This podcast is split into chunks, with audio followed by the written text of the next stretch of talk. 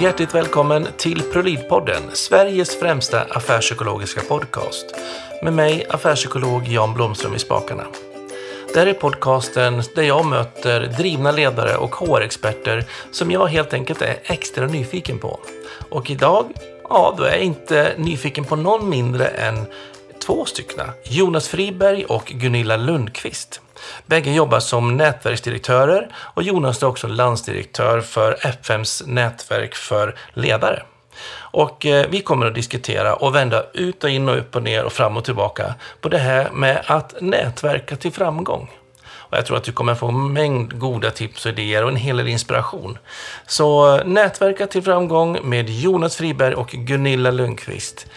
Luta er tillbaka och njut av ett skönt avsnitt. Och som vanligt, gilla oss på Facebook, sociala medier och alla sådana ställen så kommer ni inte att missa några av våra andra kommande goda spännande gäster.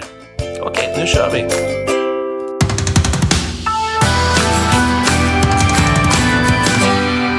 Hjärtligt välkommen till ProLid-podden säger jag till idag två gäster, Jonas Friberg och Gunilla Lundqvist. Tack så mycket. Tack så mycket. Härligt. Det är faktiskt inte så ofta vi har flera gäster i podden. Så det är nästan premiär tror jag. Ja, vad roligt. Tack så Ja. mycket. Ja, men vi, är van, vi är vana att göra saker ihop och därför är det väldigt roligt att få vara tillsammans och göra det här. Ja, och det, det känns jättekul. Vi, hade, hade, vi sände ju direkt ifrån eh, HR-dagarna. Eh, och då hade vi fler gäster, men då, då hade vi liksom ett annat upplägg lite grann just under de, de dagarna. Men eh, det här är premiär. Eh, jättekul i alla fall att ni kan delta. Eh, och eh, vi kommer att prata lite grann om det här med nätverka och nätverkandet till framgång lite grann, tänker jag.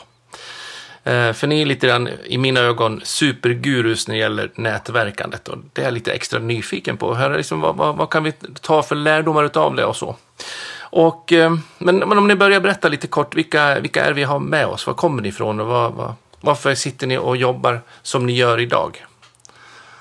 Och vem ska vi börja? Jag börjar du. Ska jag börja idag? Ja, Ja, jag börjar idag. Eh, jag är Gunilla Lundqvist och jag har eh, en bakgrund i IT-branschen i jättemånga år. Och, Inte och, så många. eh, Ja, nej inte så många. Jo, ganska många faktiskt. Uppåt nästan 30 år. Och innan jag bytte bransch till det här med nätverkande så förstod jag inte hur mycket det var som jag gick miste om. Mm. Så de senaste fem åren eh, när jag har jobbat med professionella nätverk så har jag träffat så många olika människor med olika erfarenheter i olika yrken och olika branscher. Så, så ibland blir jag riktigt hög på den här kunskapen man får. Man Mm. träffar så min bakgrund är inom marknad och kommunikation i IT-branschen men senaste fem åren då kring professionellt nätverkande. Okej. Mm. Och du Jonas då? Jonas här då. Eh, vi har jobbat ungefär lika länge med att driva nätverk professionellt. Eh, men jag har min bakgrund eh, som linjechef. Eh, jag har, tror jag, lett eh, både team och grupper och affärsområden och företag. Ja. Eh, ganska lång tid i apoteksbranschen. Det har gjort, det jag brukar säga att jag har gjort det mesta man kan göra utom att expediera läkemedel. Mm. Men allt annat har jag gjort. Mhm, Men du har med dig tre år här ibland. Eh, Ja, med sig. Och, och, ge lite, och, ge lite, och ge lite tips ibland, men man, fast man inte får. Ta en extra sån där. Nej. Eller inte nej. Ja, men spännande. Och idag då så är ju ni ansvariga för F5. Mm. Berätta lite grann om det. Ja, först kan vi säga att det är FM Nätverk för ledare. Just det. Eh, Och det handlar ju om att eh, vi vill hjälpa, vi vill hjälpa Sveriges, eh, eh, också Sveriges nu då, eftersom vi har funnits i Danmark och vi finns i Holland och så. Men nu fokuserar vi, vi Gunilla och jag, på den svenska marknaden. Vi vill hjälpa Sveriges ledare att, att utvecklas i, i nätverksform. Mm. Eh, Ni är ansvariga för lanseringen i Sverige. Ja, just det. Vi har ju funnits en stund men, men, eh, men nu, eh, nu växlar vi upp kan man säga. Ja. Och FM är lite finurligt. Eh, Om man, om man har en dator så finns det ju en tangent där som heter FM och det betyder uppdatera. Mm. Så vår idé är att hålla sig lite uppdaterad tillsammans med andra kan man säga. Härligt. Så då kör ni igång och eh, jobbar med, med riktiga officiella organiserade nätverk. Just det. Hur definierar ni ett nätverk då? eller, mm, ja, definiera, man kan säga så här, vi vill sätta ihop professionella grupper och det innebär att det ska vara en välmatchad grupp med personer med olika erfarenhet och olika yrken. Våra grupper handlar om att man samtalar och träffas under olika teman snarare än som i min erfarenhet tidigare i livet att jag har varit med i nätverk där det har varit marknadschefer eller kommunikationschefer eller, eller till exempel inom IT. Men här, här sätter vi ihop att det är olika yrkeskategorier ja. som träffas och tittar på ett tema. Eh, kanske flera teman, men då blir det lite mer som en, en, en extra ledningsgrupp kan man säga i det här nätverkandet.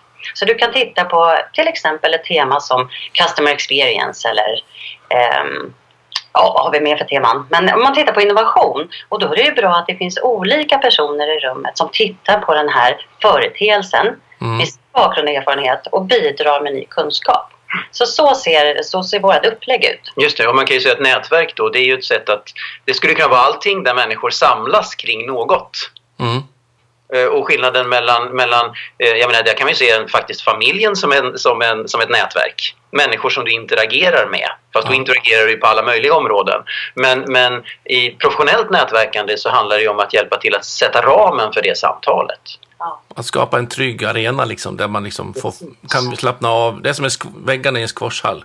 Ju tydligare, stabilare de är, desto mer wide and crazy kan vi vara innanför dem. Precis. Absolut. Och idag så man kan ju googla sig till så mycket information. Allt finns ju vid fingertopparna på något sätt. Men vad du inte har där, det är ju att du, du har ju liksom inte ett utbyte av erfarenheter eller andras tankar. Så det är lite som en tankesmedja. Man ser saker, man samlar ihop fakta, man kanske ser trender. Men man behöver ju också någon att bolla det med. Mm. Diskutera det med och vända och vrida på det. Så här, är det här någonting som vi ska anamma nu eller om ett år? Är det ens en trend att bry sig om? Eller ja, det är sådana saker som ett nätverk verkligen kan ha skillnad i. Ja. Nätverk är ju någonting man alla pratar om, att man ska nätverka och man ska mingla och man ska dela visitkort. Och fast man inte knappt någon har det idag så ska vi i alla fall dela visitkort. Och, ja. ja. Allt vad det kan vara liksom. Um, och, och, därför är det väl ganska så vitt tolkning också på, på vad nätverket är och vad man kan dra för nytta av sig av det. Men eh, jag är lite nyfiken på liksom du nämnde familjen, men liksom, vad, vad ser ni som era första nätverk som ni verkligen har varit inne i och vad, vad särskiljer dem? Det där är... Jag tror att det är nätverk, eh, om jag tittar på mig själv så är det ju egentligen eh, eh kom, den, den, första kompiskretsen är nog ett nätverk. Mm. Eh, jag har faktiskt vänner som jag har umgåtts med ända sedan jag gick på lekis Eh, och som jag faktiskt, faktiskt ser på idag, som jag, ser, som jag skulle se, vilja att de flesta i våra, våra nätverk kommer till. Att det är människor som jag har tillit till och mm. som jag vet vill mig väl. Mm. Det vill säga jag kan, jag, jag kan våga testa med de här människorna saker som, som, som jag inte gör med vem som helst. Och vet att det svar jag får, det syftar till att hjälpa mig. Ja, vill mig gott liksom i det. Ja. Så det är nog faktiskt, nu när du frågar så här, så, så, så, det, som, det som kommer först till mig det är nog det nätverket av väldigt nära vänner. Mm. Och vad till, tillgodoser de för behov hos dig då? Eh, ett bollplank. Det är människor som jag kan ringa och prata med uh, om saker som är svåra. Men ja. det är också, eh, också bekräftelse. Ibland. Ja. är bra. Ja, fan, du, fan jag gillar dig liksom. Ja. Eller, eller hörru, jag, det här ska du nog tänka på. Mm. Och då känner jag ju att eftersom det här är människor som jag har en nära relation till så vet jag ju att även om de säger någonting som är jobbigt så gör de ju det för att de vill mig väl. Mm. Intentionen är god liksom. Och för mig, när jag hör då, det är liksom ärlighet. Ja. ja att man inte säger den kostymen passar dig jättebra fast du inte sitter bra på dig. Nej, och, och, och, och, då vill man ju inte väl. Eller? Nej, nej, då vill man ju inte väl. Nej. Och, då, då är det precis som du sa, tänker jag, med squashhallen. Att, att du vet att i, i, den här, i den här ramen av det här mötet, i den här gruppen, så, så kommer människor inte att, att använda det du säger mot dig. Nej. Man, utan du kan vara trygg att göra det här. här. Så det är ju liksom ett kontrakt man måste skapa. Som är facilitatorns uppgift, om vi pratar våra professionella nätverk, mm. att se till att det skapas ett sådant kontrakt. Mm. Gunilla, då, vad, vad, har du för tankar kring första jag, nätverken? Jag tänker massor nu när Jonas pratar och ni pratar här också och, och, och tänker till att ordet som kommer till mig hela tiden är ju bara grupper. Grupper. Så tänker jag, vad är för skillnad på en grupp och ett nätverk? För grupper har man ju tillhört när man har haft hobby eller i skolan och allt. Och då är det ju en grupp människor. Så tänker jag så här, när blir en grupp ett nätverk då? Ja. Någonstans så har man kanske tidigare hamnat i grupper. Och då tänker jag att nätverket är ju när man, precis som ni säger, vill varandra väl. Man ser ett värde i att ses. Men jag tror också att det är det här mångfaldsperspektivet i att det blir ett nätverk när, när det är olika människor som frivilligt vill dela med sig och diskutera och samtala. En grupp kan ju vara någonting som är påtvingat därför att ni är en grupp här på jobbet och ni ska samarbeta ihop. Men ett nätverk, då blir det liksom jag skulle nog säga att det är mer vilja i ett nätverk. Ja, eh, att jag måste committa, liksom, eller okay, jag ställer väl upp och vara med i det här gänget då? Ja. Att det är liksom att man släpper bromsen? Ja, och att det inte är styrt av strukturer, utan det är någonting annat. Mm. Men, men, om du säger, om frågan till mig är vilket var ditt första nätverk så, så kanske det inte var förrän faktiskt någon gång på 90-talet eh, där det var i samband med jobbet där man såg att det var viktigt i till exempel en mansdominerad bransch att göra kvinnliga nätverk därför att man skulle diskutera frågor hur man får fler eh, kvinnor att välja till chefer. Mm. Och då fanns det liksom nätverk i och då var det en slags pepperboost. Ja. Eh, hur ska vi, eh, om det nu är en problemställning så ska vi se så här, hur löser vi det här? Hur hittar vi hur vi ska hoppa över hinder på vägen? Ja tror att då i nätverk på 90-talet där kunde vara i att man skulle uppnå ett, ett skifte. Eh, man hade ett mål och ett syfte liksom i att träffas och, och hitta lösningar framåt. Mm. Och där man också hjälps åt att göra varandra starka i den utmaningen. Liksom. Exakt. Man gör varandra starka och man lyssnar på varandra och alla åsikter gills och räknas. Ja. Eh, för det är målet som är syftet på något sätt. Ja, det finns, det finns mm. någonting av jämlikhet i det där också tänker jag. Precis mm. som jag sa, säger att, att, att det finns ingen hierarki. Allas, allas, ord, allas, allas reflektion och allas inspel är lika mycket värd. Just det. Det följer inte att ditt ord blir mer värt för att du har en viss titel eller en viss hierarki. Och jag tänker också att man, det bygg, i alla fall för mig tänker jag när vi pratar, är ju att, att liksom det, det finns också en ganska hög grad av individuell styrka i det. Uh, att uh, man kan gå, jag tänker med, kvinnliga chefer för att få med på chefspositioner, uh, så, så får man ju styrkan tillsammans i nätverket, men var och en måste göra sin egen resa. Man kan liksom inte be någon annan lösa min, ursäkta, min fight Nej, åt mig. Vilket man ibland kan göra i grupper, tänker jag. För då kan man liksom, kan ni gå in och hjälpa mig att göra det här? Men i, nät, men i nätverket så blir det att man, man liksom får stöd att kunna göra det själv. Eller? Just det. Ja, men det är en väldigt bra liknelse tycker jag. Att, att det, är också ett sätt att, att idag bli lite snabbare. Därför att, därför att du, kan, du får del av, av, av fleras reflektion kring samma fråga. Mm. Och därmed kan du, ju, kan du ju komma längre i din, i, din, i din implementeringskurva om man får uttrycka sig så genom att du lyssnar på hur andra har tänkt kring samma fråga. Ja, ja spännande. Och jag använder en liten floskel så kan man säga att summan, summan av helheten är större än summan av delarna. Mm. Och då blir man att ha ett mycket bredare angreppssätt själv. Ja. Helt enkelt. Eh, om man då ser att ni riktar ju främst till chefer och ledare. Eh, och de har ju då sin tjänst någonstans. De jobbar i organisationer, större eller mindre. Eh, och, och, är ganska drivna. Eh, och, och får mycket av sina behov tillgodosedda ute på arbetsplatserna. Eh, och då tänker jag, vad är det för behov som organiserade nätverk möter upp som inte man får tillgodosett ute på arbetsplatserna? Så om jag, om jag, vad som kommer ta på mind först hos mig, det ja. är ju det här att det är så otroligt viktigt att ha en facilitator och en ledare för ett möte för att styra en diskussion. Eh, så värdet är på något sätt att för du vet själv om man har ett gäng kontakter och så säger man vi ska ses på torsdag och så, och så kanske några hoppar av och ingen håller ihop det och vad ska vi egentligen prata om? Alltså på något sätt, det här viktiga är att någon ser till man har ett bra tema, folk mm. är i det rummet, de timmarna, förbereder, driver diskussionen, ser till att alla kommer till tals. Eh, för det är ofta de som har två stora öron ja. som lyssnar mer, som också kan ge väldigt bra input. Och mm. har man facilitator som liksom ser till gruppens bästa, då kanske inte alla kommer till tals. Jag tror att det finns massor med framgångsfaktorer i att vara med i en nätverksgrupp därför att den drivs och faciliteras av någon som vill gruppens bästa. Eh, och det behöver inte vara den som är ledare för gruppen. Om man säger på jobbet så ska ju kanske inte alltid chefen vara facilitatorn. Men här är det att ledare kommer till ett ställe där, eh, där all infrastruktur är ordnad plus att någon driver igenom mötet mot ett mål. Så att det blir på någon, något sätt eh, ett konkret resultat på slutet. Mm. Man syr ihop det på slutet också till så vad har vi lärt oss idag? Mm. Vad tar vi med oss? Hur kan vi använda det här i vår vardag? Eh, vilka vinster kan det vara av att liksom, göra den här förändringen? Så det, det tror jag är det, den, det största värdet är, är, är, att du kan gå till fyra timmar och du vet att du får ut något av det. Mm. Sen, sen, tänk, säger du? Ja, jo, sen, sen, sen, tänker jag på, på, på det vi var inne lite i här förut att eh, till skillnad från på jobbet ja. så så, så kliver du ju, du kliver ju med, med, din, med din professionella kunskap och dina erfarenheter så kliver du ur sammanhanget på jobbet.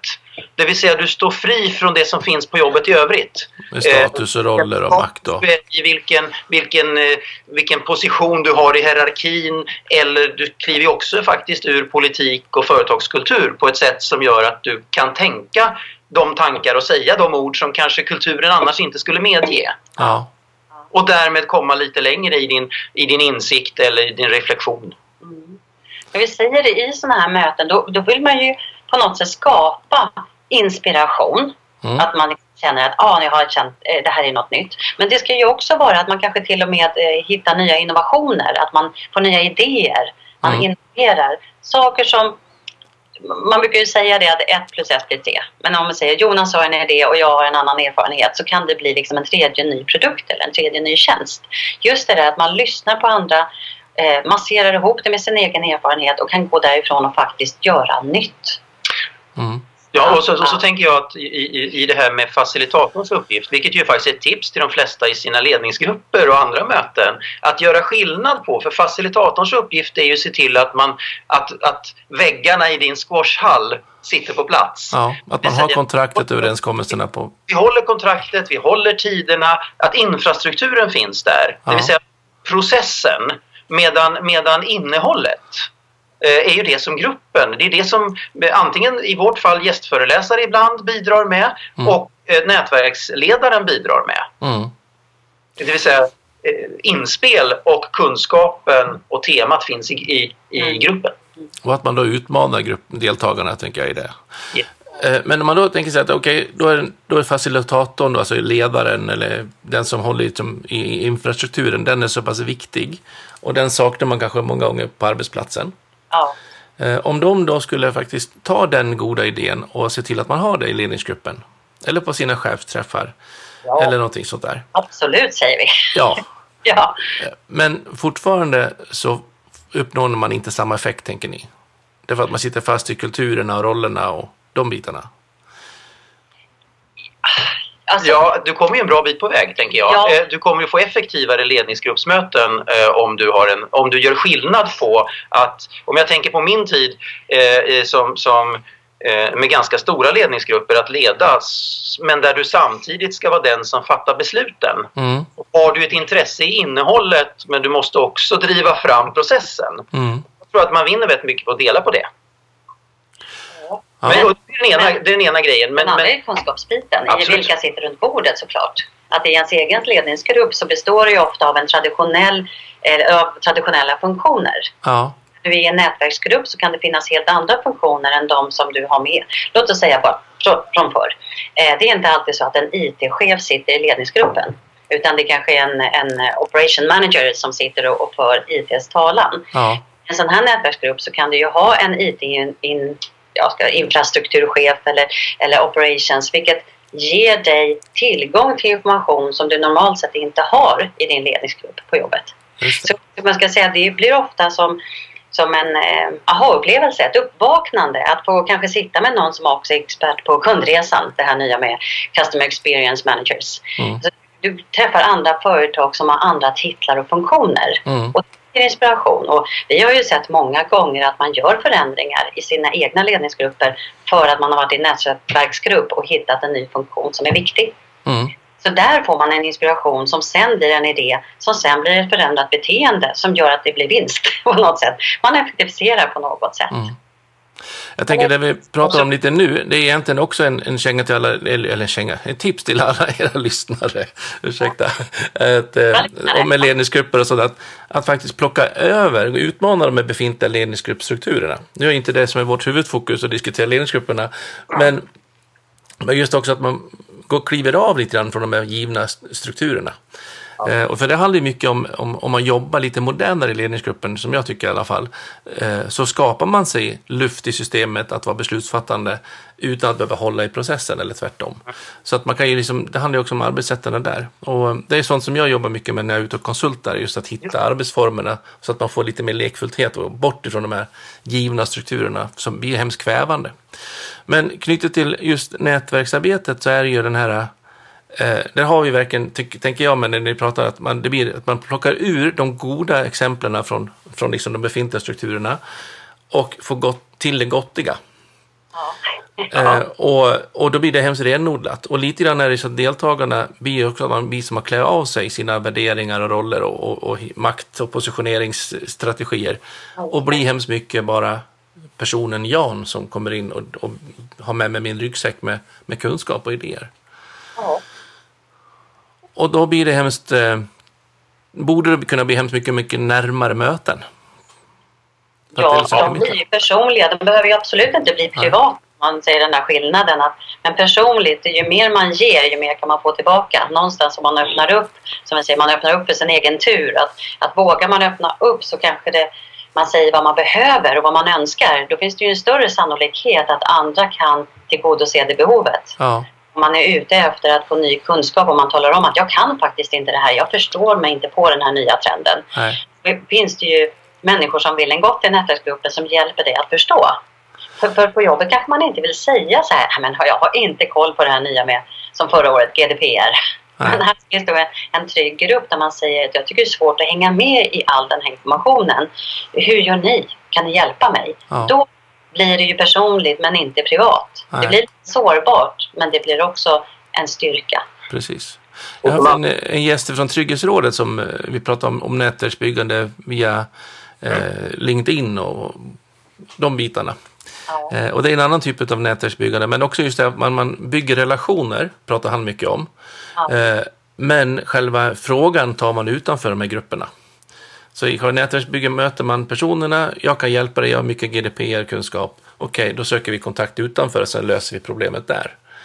Eh, så att man liksom också har den här känslan av att man vill varandra väl, men man behöver inte ta allt inför öppen ridå. pratar han en del om. Så just det här med relationsdelen känns som en, ett viktigt shit. Men till, till mötesgå behov pratar ni om. Eh, vilka behov kan nätverk inte vara med och lösa som ni ser? Inte vara med och jobba. Det tyst? det blir helt tysta för vi, vi, ja. vi, vår bild är ju att det löser allt. Ja, men, precis. men, men, en tanke är ju att det kan ju inte, det kan ju inte, eh, det, kan ju inte det, det, det ersätter ju inte de beslutsforum du har. Nej. Det hjälpa dig att, att det, kan inte, det, kan inte, det kan inte fatta dina beslut åt dig. Men det kan ju naturligtvis hjälpa dig att bereda och hjälpa dig att bli snabbare i att fatta beslut. Om mer Men, underlag. Och mer underlag kanske. Ja. ja. Ja, få bredare underlag där ja. Ja, så det löser inte alla problem. säger så här, jag vet inte om det är svar på din fråga, men jag tänkte innan så här, det här med gigekonomi och giggare. Eh, det kan inte lösa att man får vänta, nu skulle Jonas förbi mig där. Så. eh, att man, eh, I gigekonomin handlar det ju om att du kanske inte anställer eh, lika eh, vad ska vi säga, det är mer på, på projektbasis. Det är kortare uppdrag. Ja. Och i den här gigekonomin så behöver ju du både som arbetsgivare ha ett bra nätverk för att hitta de här kandidaterna. Eller du som chef, om du själv ska vara en interimchef så behöver du hitta uppdragen. Ja. Tänker jag att ett, en nätverk och nätverksgrupp är ju inte lösningen och liksom för att hitta nya uppdrag alltid. Men över sikt, över tid, om det är ett långsiktigt nätverkande, då har du ju en större chans att både hitta kandidater men också att hitta giguppdrag för dig själv som interimchef. Ja. Så det är inte så här, det är inte en garanti. Men du öppnar dig för din egen tur vilket gör att när du väl behöver så har du fler personer att vända dig till. Ja. Och vi ser också i rekrytering, i rekryteringsfaser att många eh, frågar kandidaterna om hur ser ditt professionella nätverk ut? Mm. Ja, även de rekryterande företagen. Och där ser vi ett större behov av att, att bevisa, jo men jag har kontakter, jag har ett nätverk. Jag vet att när jag i mitt jobb kommer stöta på patrull och ett hinder, då har jag personer att ringa därför att jag har ett fungerande professionellt nätverk. Mm. Så, så när du säger så här, vad löser det inte? Men det är just det här att du kan inte vara garanterad ett resultat på första mötet. Men över tid så kommer du ha otroligt mycket nytta av det. Mm. Mm. Eh, Förut så söker man, när man får frågan kan du den här arbetsuppgiften, klarar du av det här uppdraget? Då Ja. svarar man ja om jag faktiskt kunde det.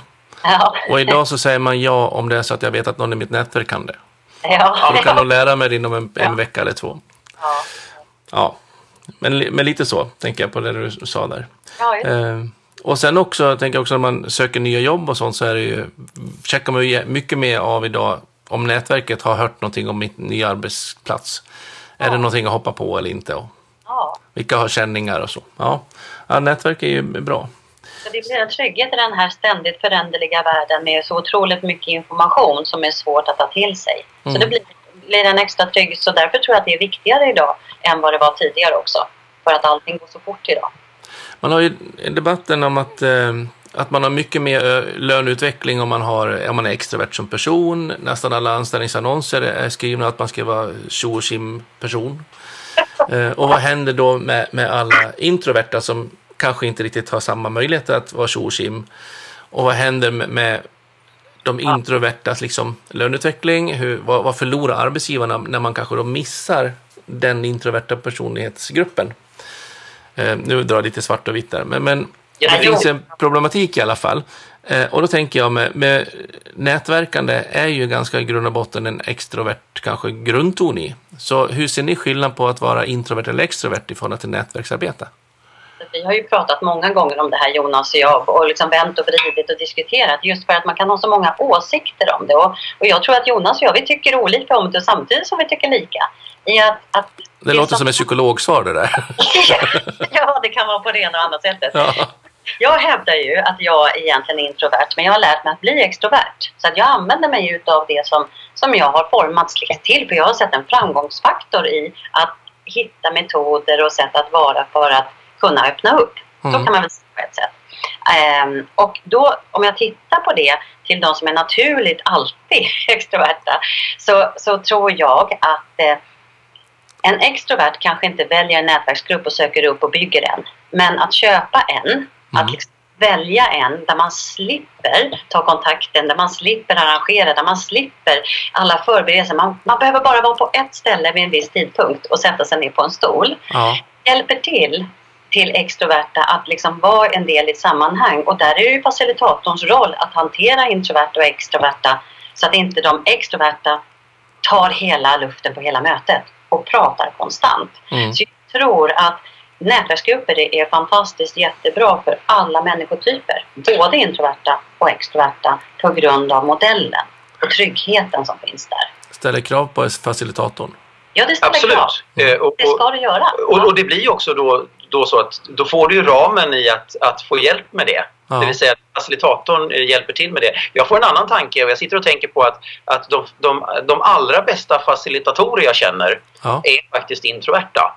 Fast precis som Gunilla säger eh, har övat skills i att, att, att driva, driva processen framåt. Och då tänker jag att man behöver ju lyssna in vad som händer i gruppen, som en introvert är bra oftast på. Mm. Och skulle det stanna där så var ju ingen som var hjälpt av den insikten. Utan man måste ju agera också. Ja. Ja, så är det ju. Ehm, ja, men, ehm, men ni har ju lite olika grupperingar i, och teman i era diskussioner. Har ni diskuterat att ha någon uttalad introvertgrupp?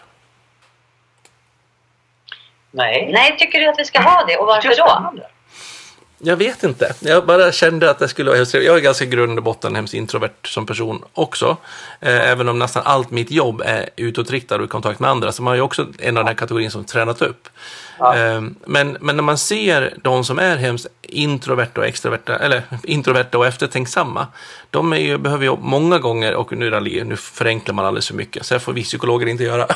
Nej, okej. Men, men ändå, man behöver go- mycket god tid på sig. Och Och klart att man som facilitator säkert kan liksom balansera upp det så att man får utrymme för både långsiktig eftertänksamhet men också lite mer tjo och kanske. Men eh, det hade ju varit intressant att, att verkligen vara en nästan en retreat-variant av nätverksbyggande. Ja. Så att man får bygga på sina introverta villkor.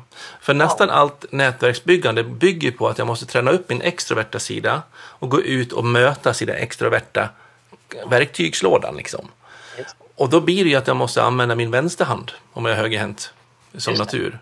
Och då blir ju nätverkskvaliteten sämre för en introvert som nätverkar på ett extroverta villkor. Ja, just Är ni med vad jag tänker? Mm.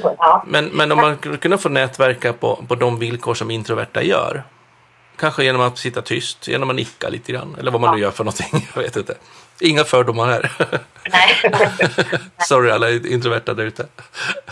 jag, jag, håller med dig. Jag tror i och för sig att, att eh, med bra facilitatorer, eller hos oss kallar vi oss det för nätverksdirektörer, de mm. har ju ansvar att, att göra det bra för alla. Mm. Men du säger, alltså det kunde vara jätteintressant att ha en grupp introverta där man också har ett inslag i, i nätverket i att just eh, eh, titta på vilka skills som man kanske kan ta till sig. Hur, vad, hur hittar jag metoder och, och sätt för att ja. eh, fungera ännu bättre i sammanhang med jättemånga extroverta? Ja, och hur kan vi introverta ändå bli hörda i ledningsgrupperna där hemma? Just, ja, Just det. ja, ja. Nej, men det där ska vi absolut, eh, det landar här uppe nu i huvudet. Ja. marineras lite så får vi se vad det kommer ut. Och, men, men, jag tänker att också mycket av det ligger ju i det där att, att man lär ju känna varandra i en grupp ganska väl och vi lägger ja. rätt mycket kraft på att man ska lära känna varandra och våga visa vem man är. Ja. Uh, och det gör ju också att, att det, blir, det blir svårare för, för, för de extremt ex, extroverta, om vi nu får använda de där bilderna fortfarande, att ta över handen. Mm. Det är både facilitatorn som hjälper till med det men, men också att man, man har sett varandra och, och suttit med varandra i, i kanske mera one-to-ones där, där, man, där, man, där man får vara den man är och man får se hur andra är. Ja, och att man är beredd både att kunna skratta och gråta ihop och, svett, och svettas ihop. Precis, precis. För jag tror faktiskt nu, jag skulle slå med en tanke här att, att eh, det kan ju vara så, om vi håller fast vid det eh, introverta, att man väljer att inte gå med i en nätverksgrupp därför att man befarar eh, att, man bara, att man inte blir hörd eller att, att man inte får ta den platsen man vill. Ja. Och då tänker jag på det som inte är en nätverksgrupp, det vill säga en kurs eller en utbildning eller, eller en eh, föreläsning. Eh, då lyssnar man ju egentligen bara att ta in sig själv men man diskuterar ju aldrig det man hör med andra. Nej. Och kanske Många tycker det är jätteskönt att slippa prata med någon annan. Ja, jag går dit. Men det som de personerna missar och därmed också arbetsgivaren mm. missar mer kunskap är att man inte diskuterar effekten av den kunskap man precis har lärt sig eller konsekvensen av den kunskap man precis har lärt sig. Mm. Det innebär också att, att, att all egentligen utbildning och kurser borde ha mer inslag av ett slags nätverkande i sin modell. Ja, och man faktiskt tänka precis som du säger att man behöver ju inte sitta ner och resonera. Man kan ju faktiskt sätta sig i, faktiskt sitta ner och vara tysta en stund och reflektera och sen prata systematiskt väldigt kort kring det. Ja. För, för det är ju just det där att saker och ting sjunker in och man så småningom hör varandra, hur andra tänker kring det. Eller på något annat sätt delar. Ja. Jag tänker också att ni som lyssnar och, och, och liksom får idéer kring det här nu, hur man kan ändå möta upp de, in, de tystas behov som egentligen inte är de som säger vad de tycker utifrån vad man har tagit till sig, utan mer håller det inom sig. Ett bra sätt till, som jag tycker i alla fall, det är ju att kunna använda de här apparna som finns idag, som är nu typ Mentometer, någonting. det finns massa olika varianter. Eh, där man då kan bara trycka på en app på telefonen och svara vad man tycker. Så att man får just göra det här ställningstagandet. Ja, jag håller med. Eller jag tycker någonting i frågan. Så att man liksom får ge sitt avtryck. För det är så viktigt tycker jag i alla fall. När man, rent inlärningsmässigt. Att jag faktiskt får ta ställning till den informationen jag har lyssnat på. Men jag kanske inte vill göra det ihop med andra. Och faktiskt få ställa frågan, eh, kunna ställa frågan utan att behöva ställa sig upp och ställa frågan. Ja, det också. Man kan skriva den och så kommer den upp på storbildsskärmen. Tavlan så behöver inte vara, kan det vara vem som helst i, i gruppen som har ställt frågan. Faktiskt någonting som kan funka jättebra på personalmöten, alltså APT ja. och sånt där. Tips till alla chefer ute där. Eh, nästan alla brukar med, chefer säga att ja, vi känner ju varandra så väl. Ja, men för dem är det ju inget problem heller. Men de går miste om så mycket. ja, så kan det vara.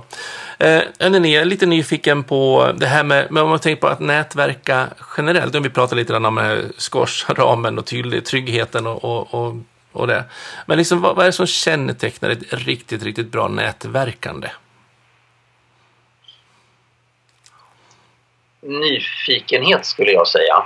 Eh, alltså att, eh, att eh, jag brukar använda ett exempel på en, på ett, på en person som, som jag satt på ett tåg för några år sedan uppkopplad på LinkedIn och så skriver en person Hej, jag sitter på tåget till Göteborg. Är det någon som har lust att ta en kopp kaffe och prata med mig i restaurangvagnen?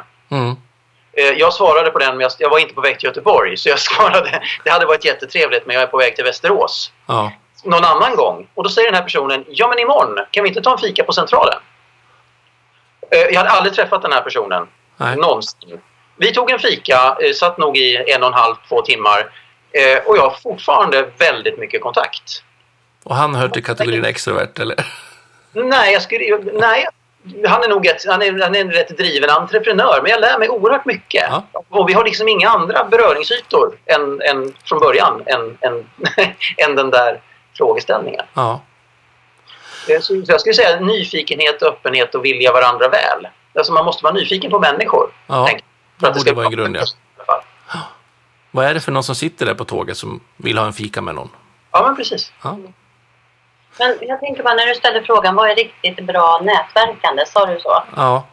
Alltså utifrån, menar du då resultatet för varje individ? Eller vad, vad, ja men jag, jag tänker nog utifrån, jag som, om jag vill nätverka, liksom, vad, vad är ett bra nätverkande? Liksom? Vad, vad, vad är en bra kvitto på det?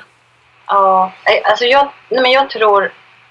Ja, det är en bred fråga, men, men just det här att vara nyfiken och öppna upp och kanske börja en konversation med någon du inte känner. Mm. eh, Som om och när man är i Almedalen. Att man faktiskt eh, eh, sätter sig på en udda plats i en samling. Eh, Att man inte går två och två utan att man är en som då öppnar upp för nya diskussioner. Att man Mm. inte är i en komfortzon och pratar med dem man redan är utan man faktiskt vågar och tänker efter. Ja men idag ska jag i alla fall ha två nya kontakter och jag ska, jag ska ställa frågor om det här och det här. Mm. Det blir bra systematiskt nätverkande för att det är till skillnad från mingel. Då är det så här, hoppsan, oj, jag mötte någon idag. Ja. Eh, Att ett bra nätverkande är att om du ska gå på ett evenemang så kan du också bli trygg och säga att ja, men jag kommer vara nöjd och kan gå hem om jag har träffat två nya kontakter och jag har spridit budskapet till no om någonting. Ja. Eller något annat, vad det nu kan vara. Så, så det tror jag att den här att, att sätta upp ett mål för en själv, vad man vill med nätverkandet, då är det enklare att styra mot resultatet. Och det som jag också tänker på är att, att eh, ett nätverk så kanske man tänker mycket på sig själv men det bästa är också när du sätter ihop två andra personer. Ja. Där du har lyssnat så mycket på en annan att du säger men vet du vad, jag vet precis vem du ska träffa. Du Ja. ska träffa Nisse. Mm. Det är också ett väldigt bra tankesätt i att du har stora öron och vill andra väl för att det kommer tillbaka. Det är den här någon slags karman ändå. Ja. I att du öppnar upp och du sätter ihop, då växer ditt eget nätverk också. Om vi går frångår de här professionella grupperna då. Ja, Så där, du, lite- lite- där du lite generöst bjuder på dina kontakter. ja, men precis att man bara är nyfiken utan också generös tänkte jag. precis. Ja. Det handlar mycket om mod, tror jag. Alltså mod att våga vara sig själv, mod att våga öppna en diskussion, mod att våga alltså, gå in i ett sammanhang där du inte riktigt känner alla. Men Ja. säga, här är jag, vilka är ni? Det, det tror jag är A och O. Och hur man bygger upp modet, ja det finns ju många sätt. Men ett sätt är metoder, eller riktning, eller Och träna. och träna. Ja, jag tänker de, de flesta, om man tänker sig, så är, man, är man högre ledare och man liksom är liksom hela sin vardag i sådana här sammanhang, ja men då har man ju oftast kommit igång ganska bra, så man- är man inte på den arenan. Nej. Men, men många andra som är liksom, går på sina frukostmöten, man är nyföretagare, man är liksom litet företag eller vad man nu är för någonting. En liten eh, chef, första linjechef någonstans och precis ny på jobbet och så oftast jätteosäkra upplever jag när man ska gå på de här näringslivsfrukostmötet eller man ska gå på social eh, enhetschefsträff där eller man ska gå på datten där. Ehm, och lite grann som du säger, att man ska våga bestämma sig med, med, med ett mål, vad man vill. Tycker jag låter jättenyttigt. Och att man kanske också bestämmer sig, vad är det jag ska få med mig för, för både två kontakter men också vilka två frågor vill jag söka svar på. Ja. när jag är här under det här frukostmötet. Och sen aktivt gå in och leta efter dem och in, undvika det här minglet där jag bara råkar hamna bredvid någon. Ja, precis. Ja. Och sen, och sen också koppla det till hur vill jag att, vad vill jag att de andra ska, ska uppleva av mig. Ja, Alltså ha någon sorts, eh, det behöver inte vara ett personligt varumärke färdigt, men, men liksom hur vill jag uppfattas? ja. Och att man har lite den här hisspresentationen man brukar prata om. Ja. Berätta om sig själv på fem sekunder. Ja. Och, Och att, inte fastna i någon lång teknisk utläggning på vad man gör. Nej. nej, och att skapa kontakter oavsett om det är eh, live eller om det är på LinkedIn eller i sociala medier så, så är det ju bra att uppmärksamma andra och faktiskt hylla dem. Eh, när man ser någon bra artikel på LinkedIn, att man faktiskt säger så här, oj vad intressant, det här var spännande, tack för den här synvinkeln. Ja, För då kan det börja de bäst fantastiska diskussionerna när du tar kontakt med någon du inte känner men också talar om att de är bra, att de bidrar med någonting som är intressant. ja, Att bjuda på att, på att, på att hylla någon, ja. Ja, bekräfta någon annan för att eh, vi är ju lite blyga i Sverige. Sådär. Mm. Vi kanske inte börjar med att, att berömma någon eller hylla någon. Nej, men det blir naturligtvis mycket enklare att prata om, om du kommer till mig och säger, säger vad bra det där var. Ja. Då känner jag ju mig också starkare och tryggare och därmed har jag lättare att prata. ja. Ja, jag tänker att eh, det snackas mycket om nätverkande. Det är viktigt. Man ska ha, göra, bygga sin karriär i nätverk. Och det finns som är formella som ni står för och, och, och jobbar med och har den möjligheten. Men de flesta nätverken sker ju i det lilla. Och så har vi oftast ganska hemskt, eller jag kan säga, vi har mycket ut, outvecklade, outtalade planer på vad vi vill, hur vi bygger upp dem. Det borde ju vara en jättefördel om man faktiskt får ner de här, punktar ner de här lite målen och, och strategierna. Eh, så borde det ge en stor effekt, tänker jag. Ja, i nätverksgrupperna så sätter vi alltid upp målbild och spelregler. Ja, Eh, Man ska veta varför kommer jag hit? Varför lägger jag den här tiden här? Ja. Eh, Som nätverksledare så behöver man också veta vad gruppens totala gemensamma mål är för att styra mot det. Men spelreglerna är också jätteviktiga. Får vi Ja. ha mobilerna i knät eller inte? Ehm, är det okej att gå ut från mötet mitt i? Det kan ju vara, får vi avbryta varann? Eller, eller till och med vet en spelregel som många vill ha, som Ja. jag tycker är fantastisk. Det är den här eh, att, man faktiskt ska komma in under ytan. Att man ska våga ifrågasätta. Men med gott uppsåt. ja, Att alla säger det. Vi vill inte bara att vi sitter här och bekräftar varandra och håller med. Utan att nej, men vi måste vända på myntet ibland. Vad är det på andra sidan? Tänk Mm. om det skulle göra precis tvärtom. Vad händer då? ja, lite ifrågasättande. Och, och det tycker jag är generöst. Att faktiskt Det är verkligen uppmana generositet. varandra till. Ja, och det är också väldigt generöst av den som gör det. Mm. det mär, jag, jag, jag, de, allra häftigaste mötena i sådana där sammanhang det är ju när någon verkligen bjuder på, någon, på, en, på en erfarenhet som, som som En dikeskörning, ja, men någonting som, som Ja. här gick det riktigt, riktigt åt skogen. Ja. Och min analys är det här. Vad tänker ni om det? Ja. Ja. Där det Då- sker sig riktigt. Ja, då blir det ju på riktigt. Mm. Och då blir det inte alla de där eh, ytliga presentationerna utan man måste in under ytan. Jag tänker också både att man själv kan bjuda på det, att här sketer sig, vad tänker ni kring det? Men också att om jag tycker att ni tänker lika, att jag orkar bry mig att säga, hörni, ni, jag tycker faktiskt något helt annat. För Ja. jag kan ju också välja att bara ducka under radarn och, glida med. Ja. Och det är ju också det generöst att man faktiskt gör den markeringen att hörni, du, det finns faktiskt en annan sida som du säger. Vi måste vända på ner. Ja. Ehm, Det är någonting, en ynnest att folk sätter sig emot den. Ja, absolut. För det är ju igen vilja väl. Att, Mm. att vi ska komma lite längre tillsammans. Ja, Därför Ja. i det här rummet är det inte farligt Ja. att säga det. Ja. Men det var som en kompis sa till mig för ett tag sedan när jag hade ett, ett problem av något slag. Mm. Så säger han så här, nej åh, jag vet inte mycket om det där men det jag vet är att man får starkare muskler när man cyklar en uppförsbacke. Och då tänkte jag just också på det här med nätverksgrupper. Att, att om man får tänka och brottas med saker som är svåra så blir man ju starkare. Man får starkare muskler. Men då Ja. kanske upp i huvudet å andra Ja. sidan. Ja. och den insikten kanske kom till därför att han pratade om sin cykel. Ja. Som inte alls hade med problemet att göra. nej, just det. Och då har man de där berikningskopplingarna som, som liksom skapar berikning fast jag inte kan din profession. Nej. Ja, spännande. Mer nätverk åt folket med andra ord. Absolut. Eh, om man vill eh, veta mer om er och kanske är intresserad av att kanske vara med på ett nätverk som FM, nätverk för ledare och chefer och ledare. Vart vänder man sig då? Då mejlar man någon av oss. Man kan mejla till eh, mig, jonas.f5-networking.se. En gång till. Jonas.f Mm. snabel A f5 networking.se. Den Ja. där var lite komplicerad men jag hoppas att den gick med där. Annars är det ju Det går att lyssna på repeat annars. Absolut. Ja, ja, ja, ja. Och skulle man mejla mig eh, så är det samma slutadress men det är gunilla.l. Ja, Äh, vidare. suveränt. Tusen tack! Jättespännande att få höra era tankar och idéer och lycka till med, med fortsatt lanseringen eller å- uppbyggnaden av FM Nätverk här i Sverige. Tack så mycket. Tack så mycket. Ha en fin dag. Ja. Tack. Hej!